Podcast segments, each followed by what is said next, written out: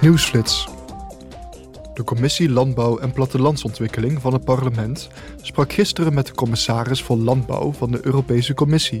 Ze gingen in debat over de gevolgen van de stijgende inflatie voor de begroting van het gemeenschappelijk landbouwbeleid en over de hoge kosten van eten en dierenvoeding in Europa. Daarnaast spraken de parlementsleden in een ander debat over de productie en uitvoer van Oekraïense landbouwproducten.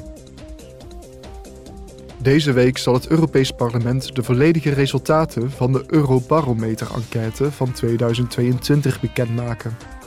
De enquête werd tussen medio oktober en begin november uitgevoerd. De enquête richtte zich op de zorgen van de Europese burgers en hun steun voor de Europese Unie. Morgen vindt er een herdenkingsceremonie plaats voor de voormalige voorzitter David Sassoli, die morgen precies één jaar geleden is overleden. De huidige voorzitter, Metsela, zal de aanwezigen toespreken.